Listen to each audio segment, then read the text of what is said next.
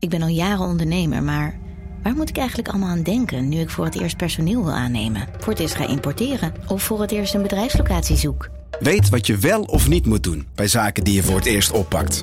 Check kvk.nl voor praktische stappenplannen. KVK, hou vast voor ondernemers.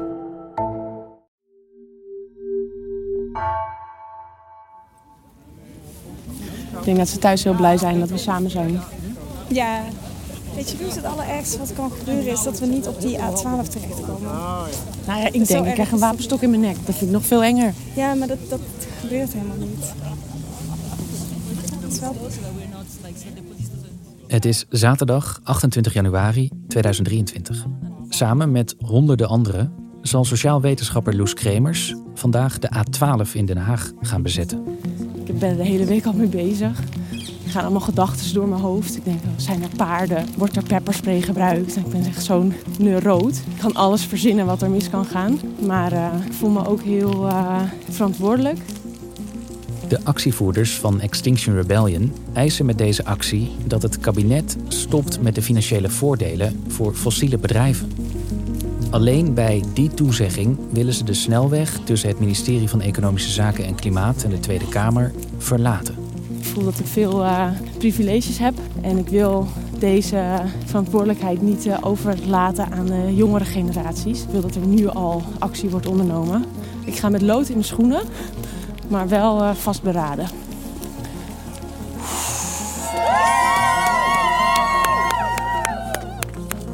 Ik hoop bij God dat dit uiteindelijk de sociale verandering de positieve kant op zwaait.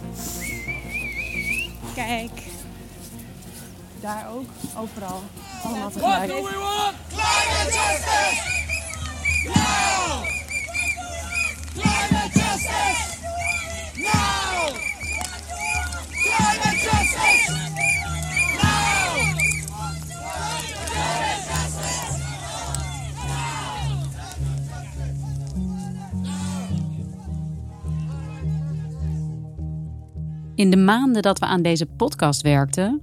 was er veel aandacht voor protestacties tegen klimaatverandering.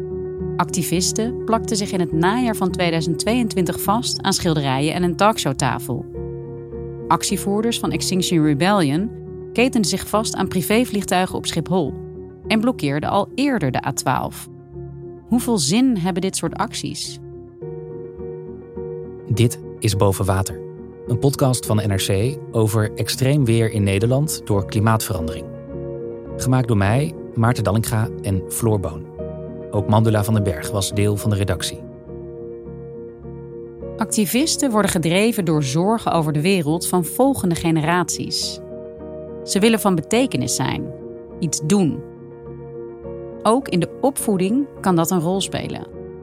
Hoe kun je en eerlijk zijn over klimaatverandering en tegelijkertijd voorkomen dat kinderen angstig worden door de sombere toekomstbeelden die worden geschetst? Dit is aflevering 5. Tegen een stootje.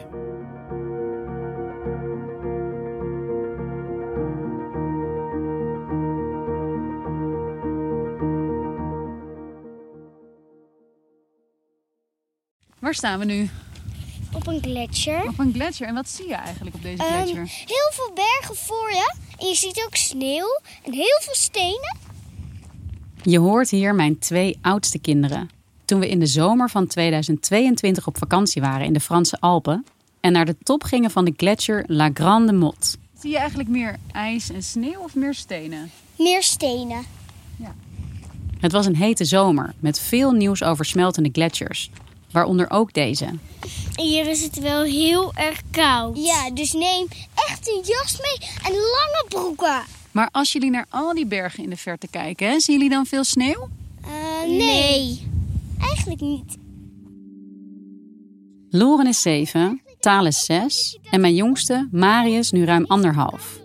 Grote kans dat zij nog leven aan het einde van deze eeuw. Als zowel de gemiddelde temperatuur als de zeespiegel zijn gestegen en ook andere gevolgen van klimaatverandering, zoals extreem weer, veel sterker zullen zijn dan tot nu toe in mijn leven.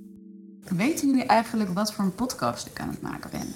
Over het klimaat. Wat er vroeger was gebeurd, zoals de watersnoodramp.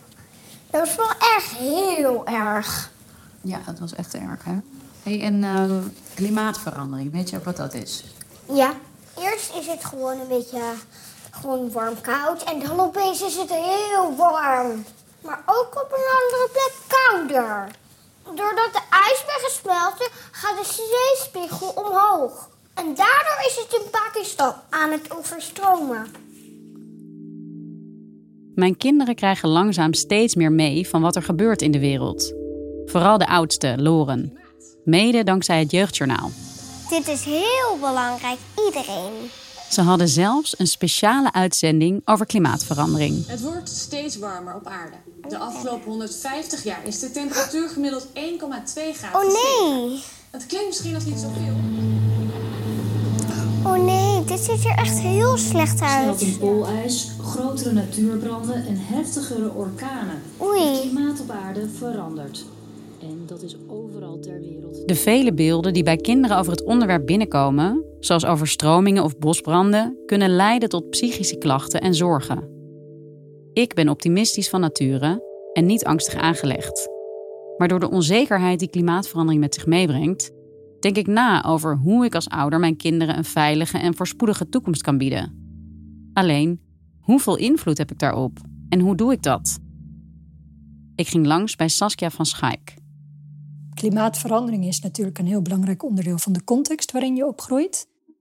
Saskia is pedagoog en verbonden aan de Radboud Universiteit Nijmegen. Ze onderzoekt hoe kinderen zich ontwikkelen binnen verschillende contexten. Thuis, op school, bij vriendjes en vriendinnetjes. En Saskia richt zich in het bijzonder op duurzaamheid.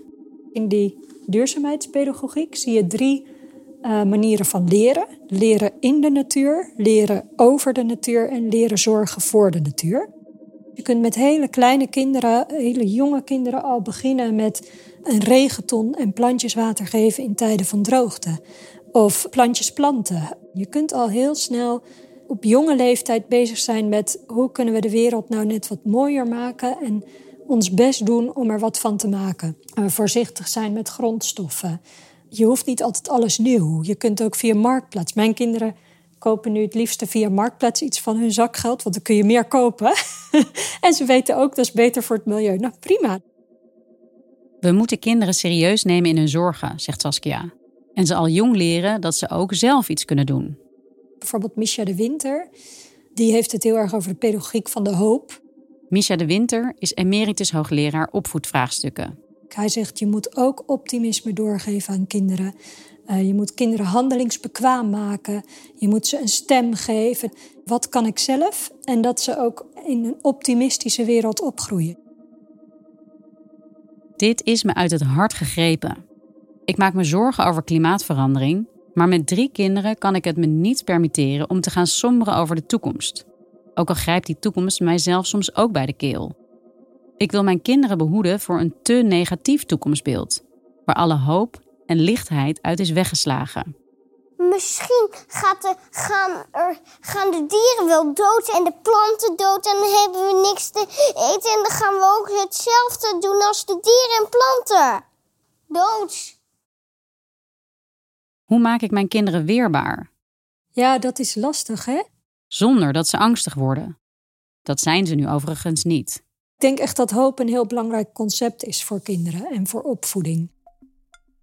Dat je niet, niet alleen maar kunt gaan zitten en denken: potverdorie, wat een baal en uh, de wereld gaat eraan. En uh, nou, ik weet het allemaal niet meer. Hè? Want dan zit je in een, ja, in een wanhoop. Nee, wat kun je nu zelf? En dat kan heel klein. We hebben heel vaak onze lichten aan. We moeten meer de lichten uitdoen. Ja, moeten we meer de lichten uitdoen? Ja. Kinderen perspectief geven en ze leren dat ze zelf invloed hebben, is belangrijk. Maar hoe doen we dat zonder de verantwoordelijkheid voor het oplossen van klimaatverandering alleen maar bij hen neer te leggen? Ik vind we moeten voorkomen dat we dan die opgave bij die nieuwe generatie leggen.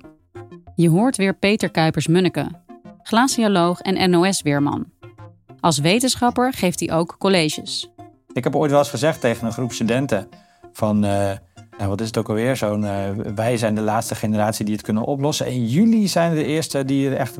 Zo'n dooddoener een beetje. Of jullie, we leiden jullie op om de wereldproblemen op te lossen. Maar dat is oneerlijk. Hè? Je moet die, als je kijkt naar de tijdschaal... degene die het moeten oplossen, dat zijn de mensen die nu aan de knoppen zitten. We kunnen de aanpak van klimaatverandering niet overlaten aan de jongste generaties, vindt ook pedagoog Saskia van Schaik. Ook zelf ontzettend alert zijn op dat je handelt. Voorleven. Voorleven, ja, absoluut. absoluut. Dat optimisme moet je voorleven, maar ook het handelen moet je voorleven. Ook de acties. En ook laten zien dat je daarin lerende bent. Ik, ik heb een paar jaar geleden nog naar een congres gevlogen. Nou ja, nu denk ik, waarom heb ik dat toch gedaan? Bespreek dat ook met kinderen.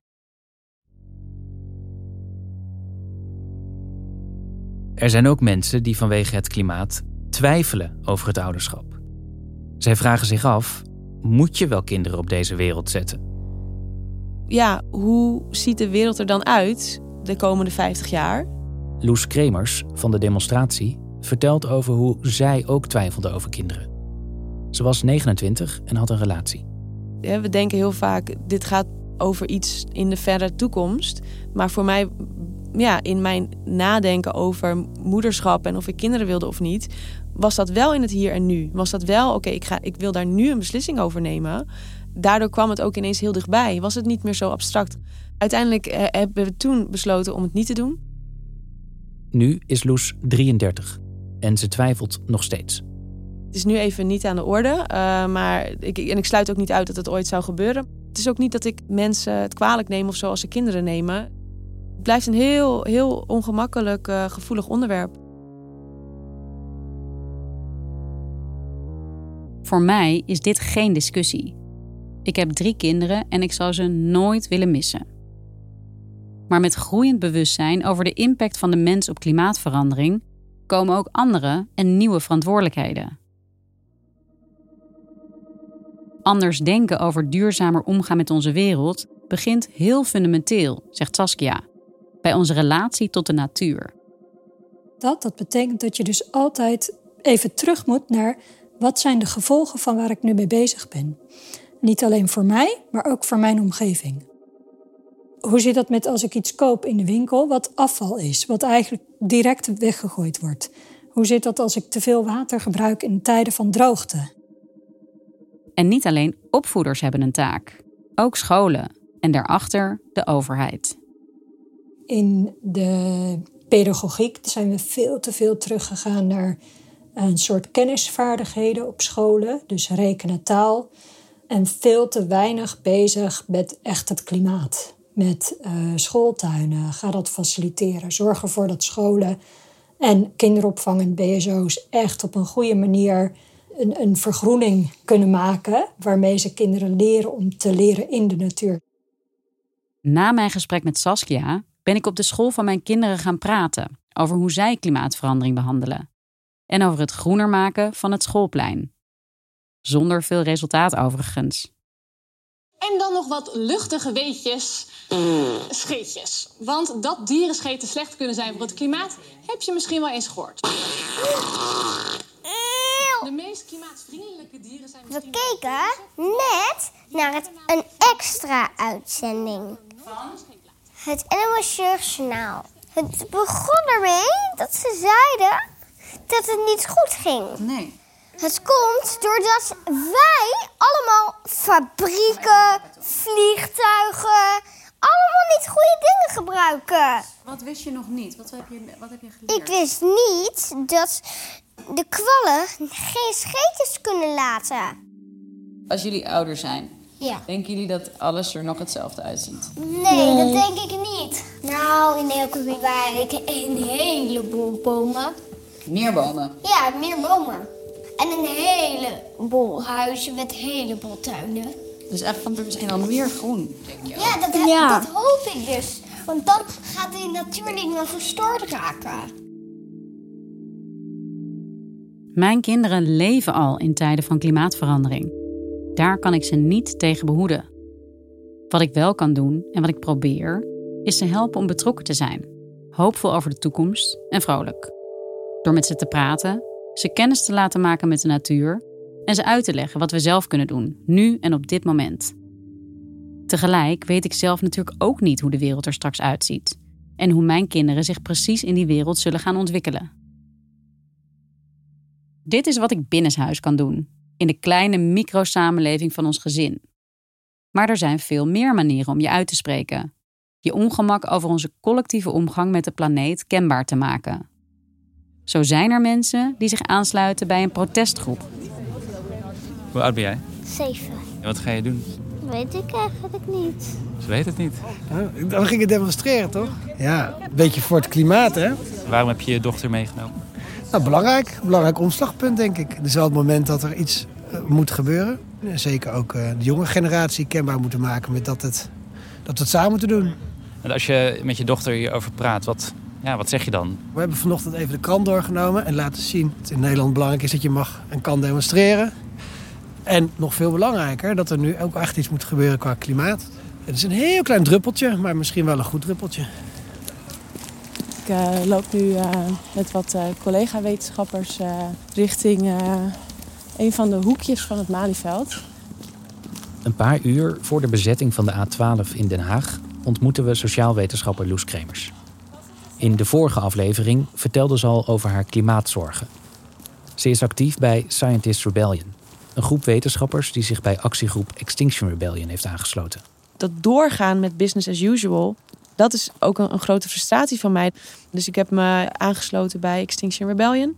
Een, ja, een burgerbeweging die uh, is ontstaan in, uh, in Groot-Brittannië. En nu op meer dan 100 plekken in de wereld uh, actie voert middels burgerlijke ongehoorzaamheid. Dus die eigenlijk zegt met ja, als we op de stoep blijven staan en we, we volgen de regels, dan worden we genegeerd. Nog voor het protest op de A12 arresteerde de politie zes mensen voor opruiming. Omdat ze hadden opgeroepen mee te doen aan de demonstratie. De blokkade zou volgens het Openbaar Ministerie gevaarlijk en ontwrichtend zijn. Het gebeurt natuurlijk wel vaker dat een weg niet begaanbaar is. Dus dit is heel goed veilig te doen. Ja, en, en ik vind het ergens best een beetje wrang als er iets de veiligheid in het geding brengt en iets ontwrichtend is, dan zijn het de gevolgen van onaangepakte klimaatverandering. We lopen nu op de A12, de tunnelbak in. En vanuit alle verschillende richtingen zijn uh, grote groepen mensen naar elkaar toegekomen. Het verloopt heel rustig. We hebben vrij baan om gewoon te wandelen. Uh, en we zingen.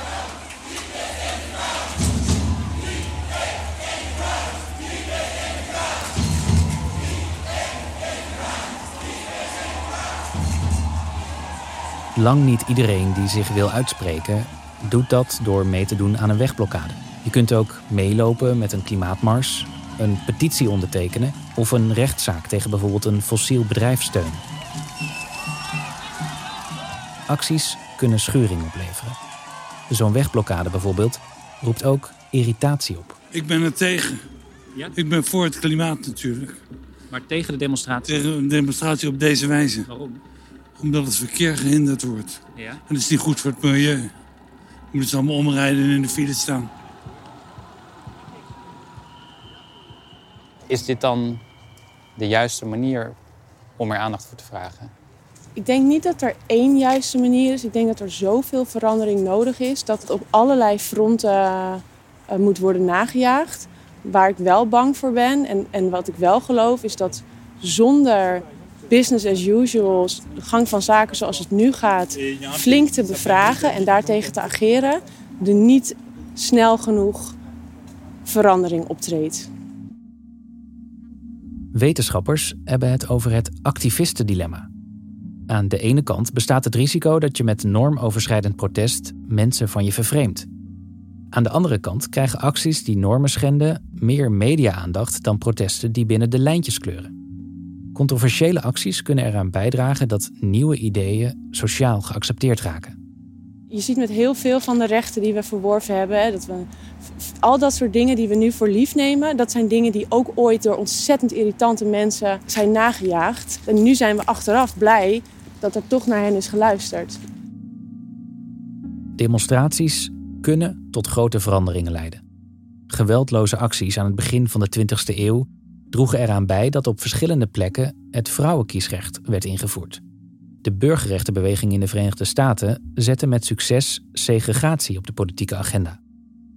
In Nederland speelden demonstraties een rol in de strijd voor homorechten. Ik weet dat er collega's zijn die wel de barricade opgaan.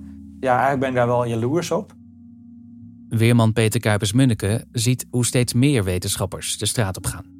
De reden dat ik nog niet aan het demonstreren ben en mezelf uh, op snelwegen vastplak en zo, heeft denk ik toch ook wel te maken met uh, je onafhankelijkheid en je expertise. Ja, dat is eigenlijk voor een wetenschapper je reputatie. Voor Loes zit daar ook zeker wel een spanning. Maar zij kan niet meer anders, zegt ze. Ze wil meer doen dan wetenschap bedrijven en zich uitspreken in interviews.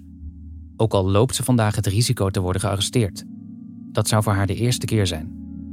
Mijn natuurlijke habitat is eigenlijk een, een, bibliotheek, zou ik zeggen. Ik ben een onderzoeker. De boeken, ja. En nu de straat, ja. Als een huis in de fik staat en je staat daarnaast als wetenschapper, geef je diegene dan een, een rapport om te laten zien dat het huis in de fik staat?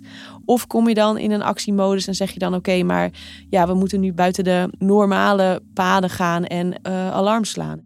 Het voelt voor mij radicaler om alleen rapporten te schrijven, een soort van gematigdheid te prediken. Peter Kuipers-Munneke blokkeert dan wel geen snelweg. Ook hij deelt in het openbaar zijn zorgen, zoals in zijn NRC-column. En wat hem betreft zouden meer wetenschappers dat doen de maatschappelijke discussie opzoeken met wetenschappelijke bevindingen als bagage. Ik denk dat wetenschappers daar heel ja, terughoudend in zijn. En dat zou veel meer mogen gebeuren. We staan in de tunnelbak, die echt omringd is met supporters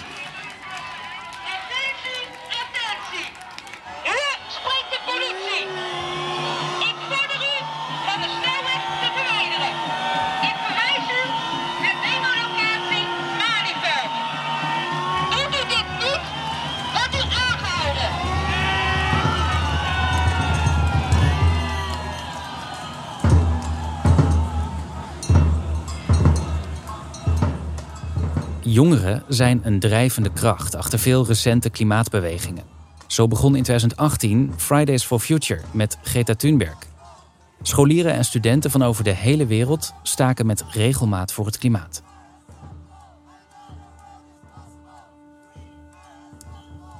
Kun je als ouder je kind stimuleren in de wens om een positief verschil te maken? En hoe zorg je ervoor dat je kinderen hun onbezorgdheid niet verliezen door je eigen klimaatzorgen. Mijn opvoeding was totaal in het licht van klimaatproblematiek. Dit is Wietske de Man. Onze kinderen zitten op dezelfde school. En per toeval kwam ik erachter dat Wietske een bijzonder verhaal heeft. Omdat ik in mijn opvoeding dus eigenlijk steeds hoorde over wereldproblemen waaraan nu iets moest gebeuren. En anders ging de wereld ten onder. En vervolgens wist ik dat dat zo was, maar niemand om ons heen deed daar iets aan. Ze groeide op met een klimaatactivistische vader. Ik heb altijd geweten dat alles wat hij zei klopte. In haar jeugd, zegt Wietke, vertelde haar vader continu dat er iets moest gebeuren om de grote problemen van de wereld op te lossen. En in het begin, als je opgroeit, denk dat je gewoon trots bent op je ouders. En mijn vader mijn moeder waren heel ondernemend. En uh, ze hebben ook een milieuhuis gebouwd, een duurzaam huis. Dat was in 1984, dus was ik zes jaar. Nou, dat is al bijna 40 jaar geleden. Dus ze waren echt pioniers. Dus ik was daar heel trots op. Alleen als je opgevoed wordt en het is zeg maar het enige wat je elke dag hoort uh, dat de wereld ten onder gaat. Dat is echt niet zo leuk. Ik heb echt uh, tijden mijn vingers in mijn oren gestoken als iemand het over klimaat had. Nou, trouwens, dat gebeurde eigenlijk niet veel. Maar als mijn vader het over het klimaat had. En in die tijd was het echt nog geen gemeengoed zoals nu. Om zelf iets bij te dragen aan minder verbruik, begon Wietkes vader in de jaren 80 met het ontwikkelen van een composttoilet. Dat is een uh, droog toilet. Je spoelt dus niet je poep door. Het is ook echt wel echt iets wat nu ook urgent is. Want het is heel raar dat je, je gooit gewoon je poep weg. Je spoelt het door met drinkwater. die poep, ja, dit is een beetje gek dat ik nu dit verhaal ga vertellen. Maar goed, dit is mijn vaders verhaal. En die poep die is gewoon echt top voor onze aarde. Dus wat hij doet ook bij ons thuis. Je hebt een gescheiden een plastoilet en een poeptoilet. En ehm, die poep, als je die met de juiste temperaturen laat indrogen... dan heb je echt topmest uh, voor op je tuin. Dus ehm, onze tomaten en dergelijke die wij vroeger aten... die waren gewoon uh, lekker groeit op onze eigen mest. Wietske vond het een prima verhaal. En ze stond erachter. Maar het maakte haar wel verlegen. Ik heb bijvoorbeeld dit verhaal gewoon nooit verteld.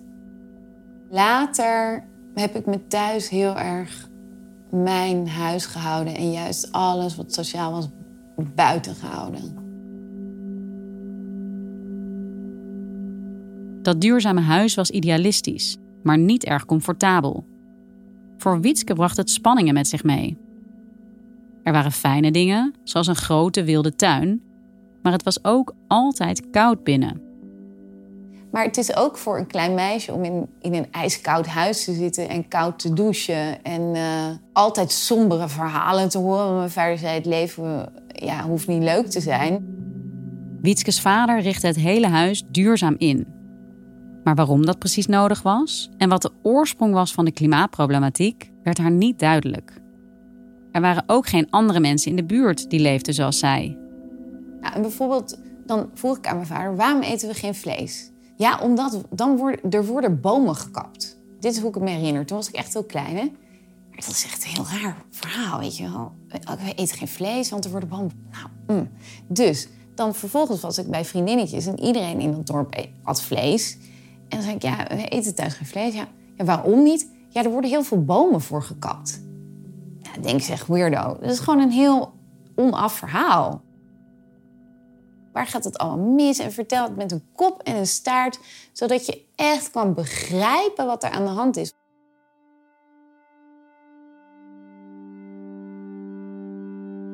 Wietske realiseerde zich voor het eerst echt dat de wereld van haar ouderlijk gezin anders was dan daarbuiten, toen ze haar eerste vriendje mee naar huis nam.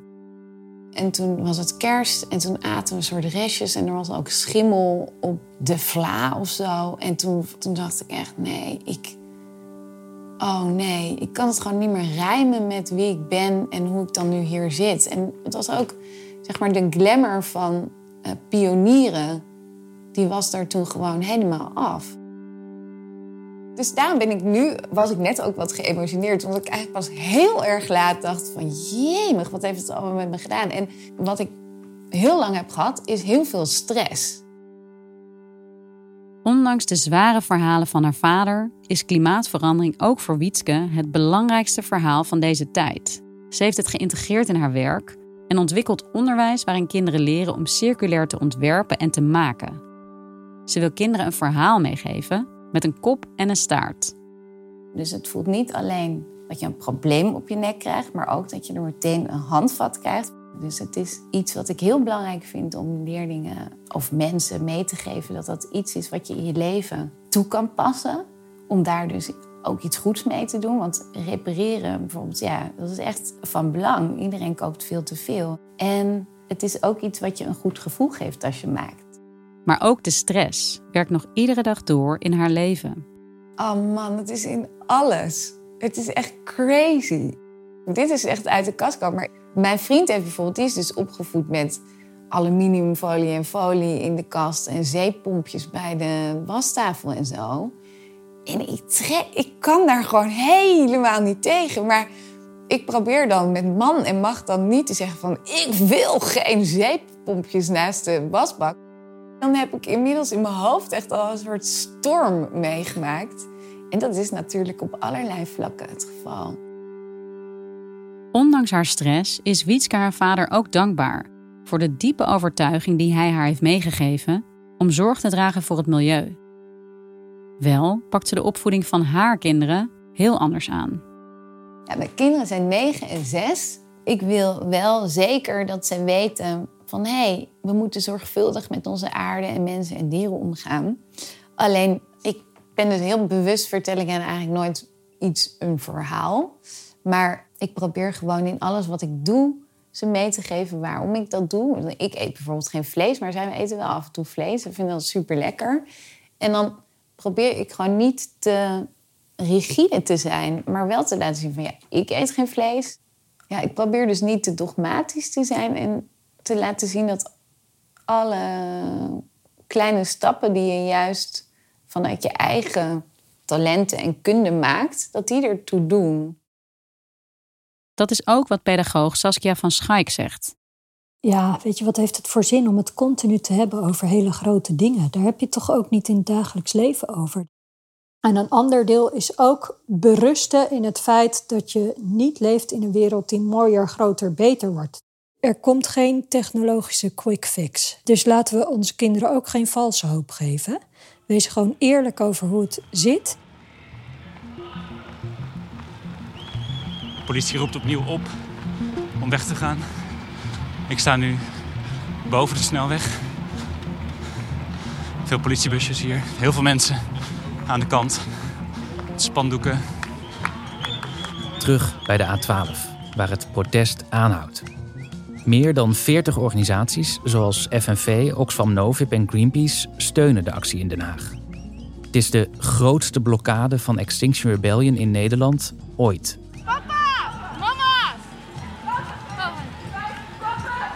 Je ouders? Ja. Ja? Ja. Waar zijn ze? Geen flauw idee, ik ben nu aan het kijken. Maar je blijft roepen. Ja. Hoe is dat, dat je ouders zo Hé, hey, dat is meteen... mijn tante. Met die regenboogvlag. Die wordt opgepakt. Hoe is dat om te zien? Gaaf.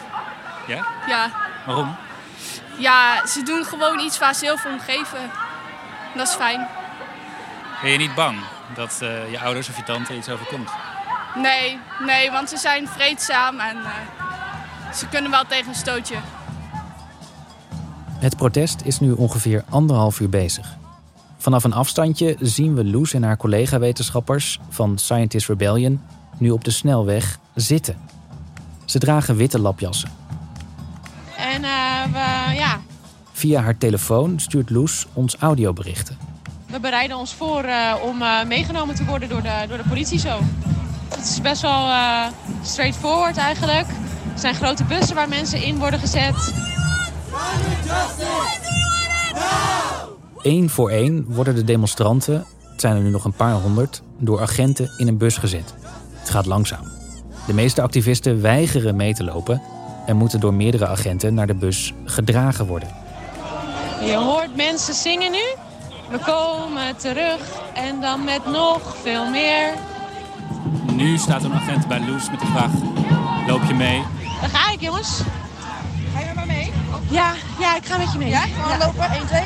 Rugzak op, tas aan de hand met daarin een kussentje, dekentje. Politie aan mijn arm. Naar de bus. Gaat allemaal goed? Ja, ja. ja, ja. Nou, het is allemaal een beetje spannend, hè? Het is allemaal een beetje eh, ongebruikelijk.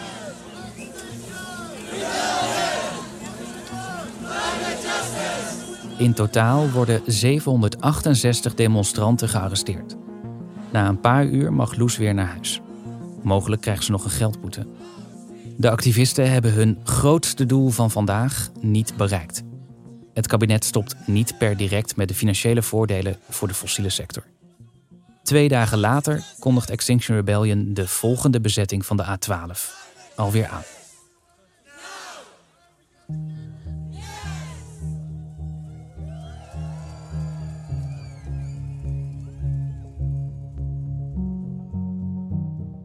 Dit was aflevering 5.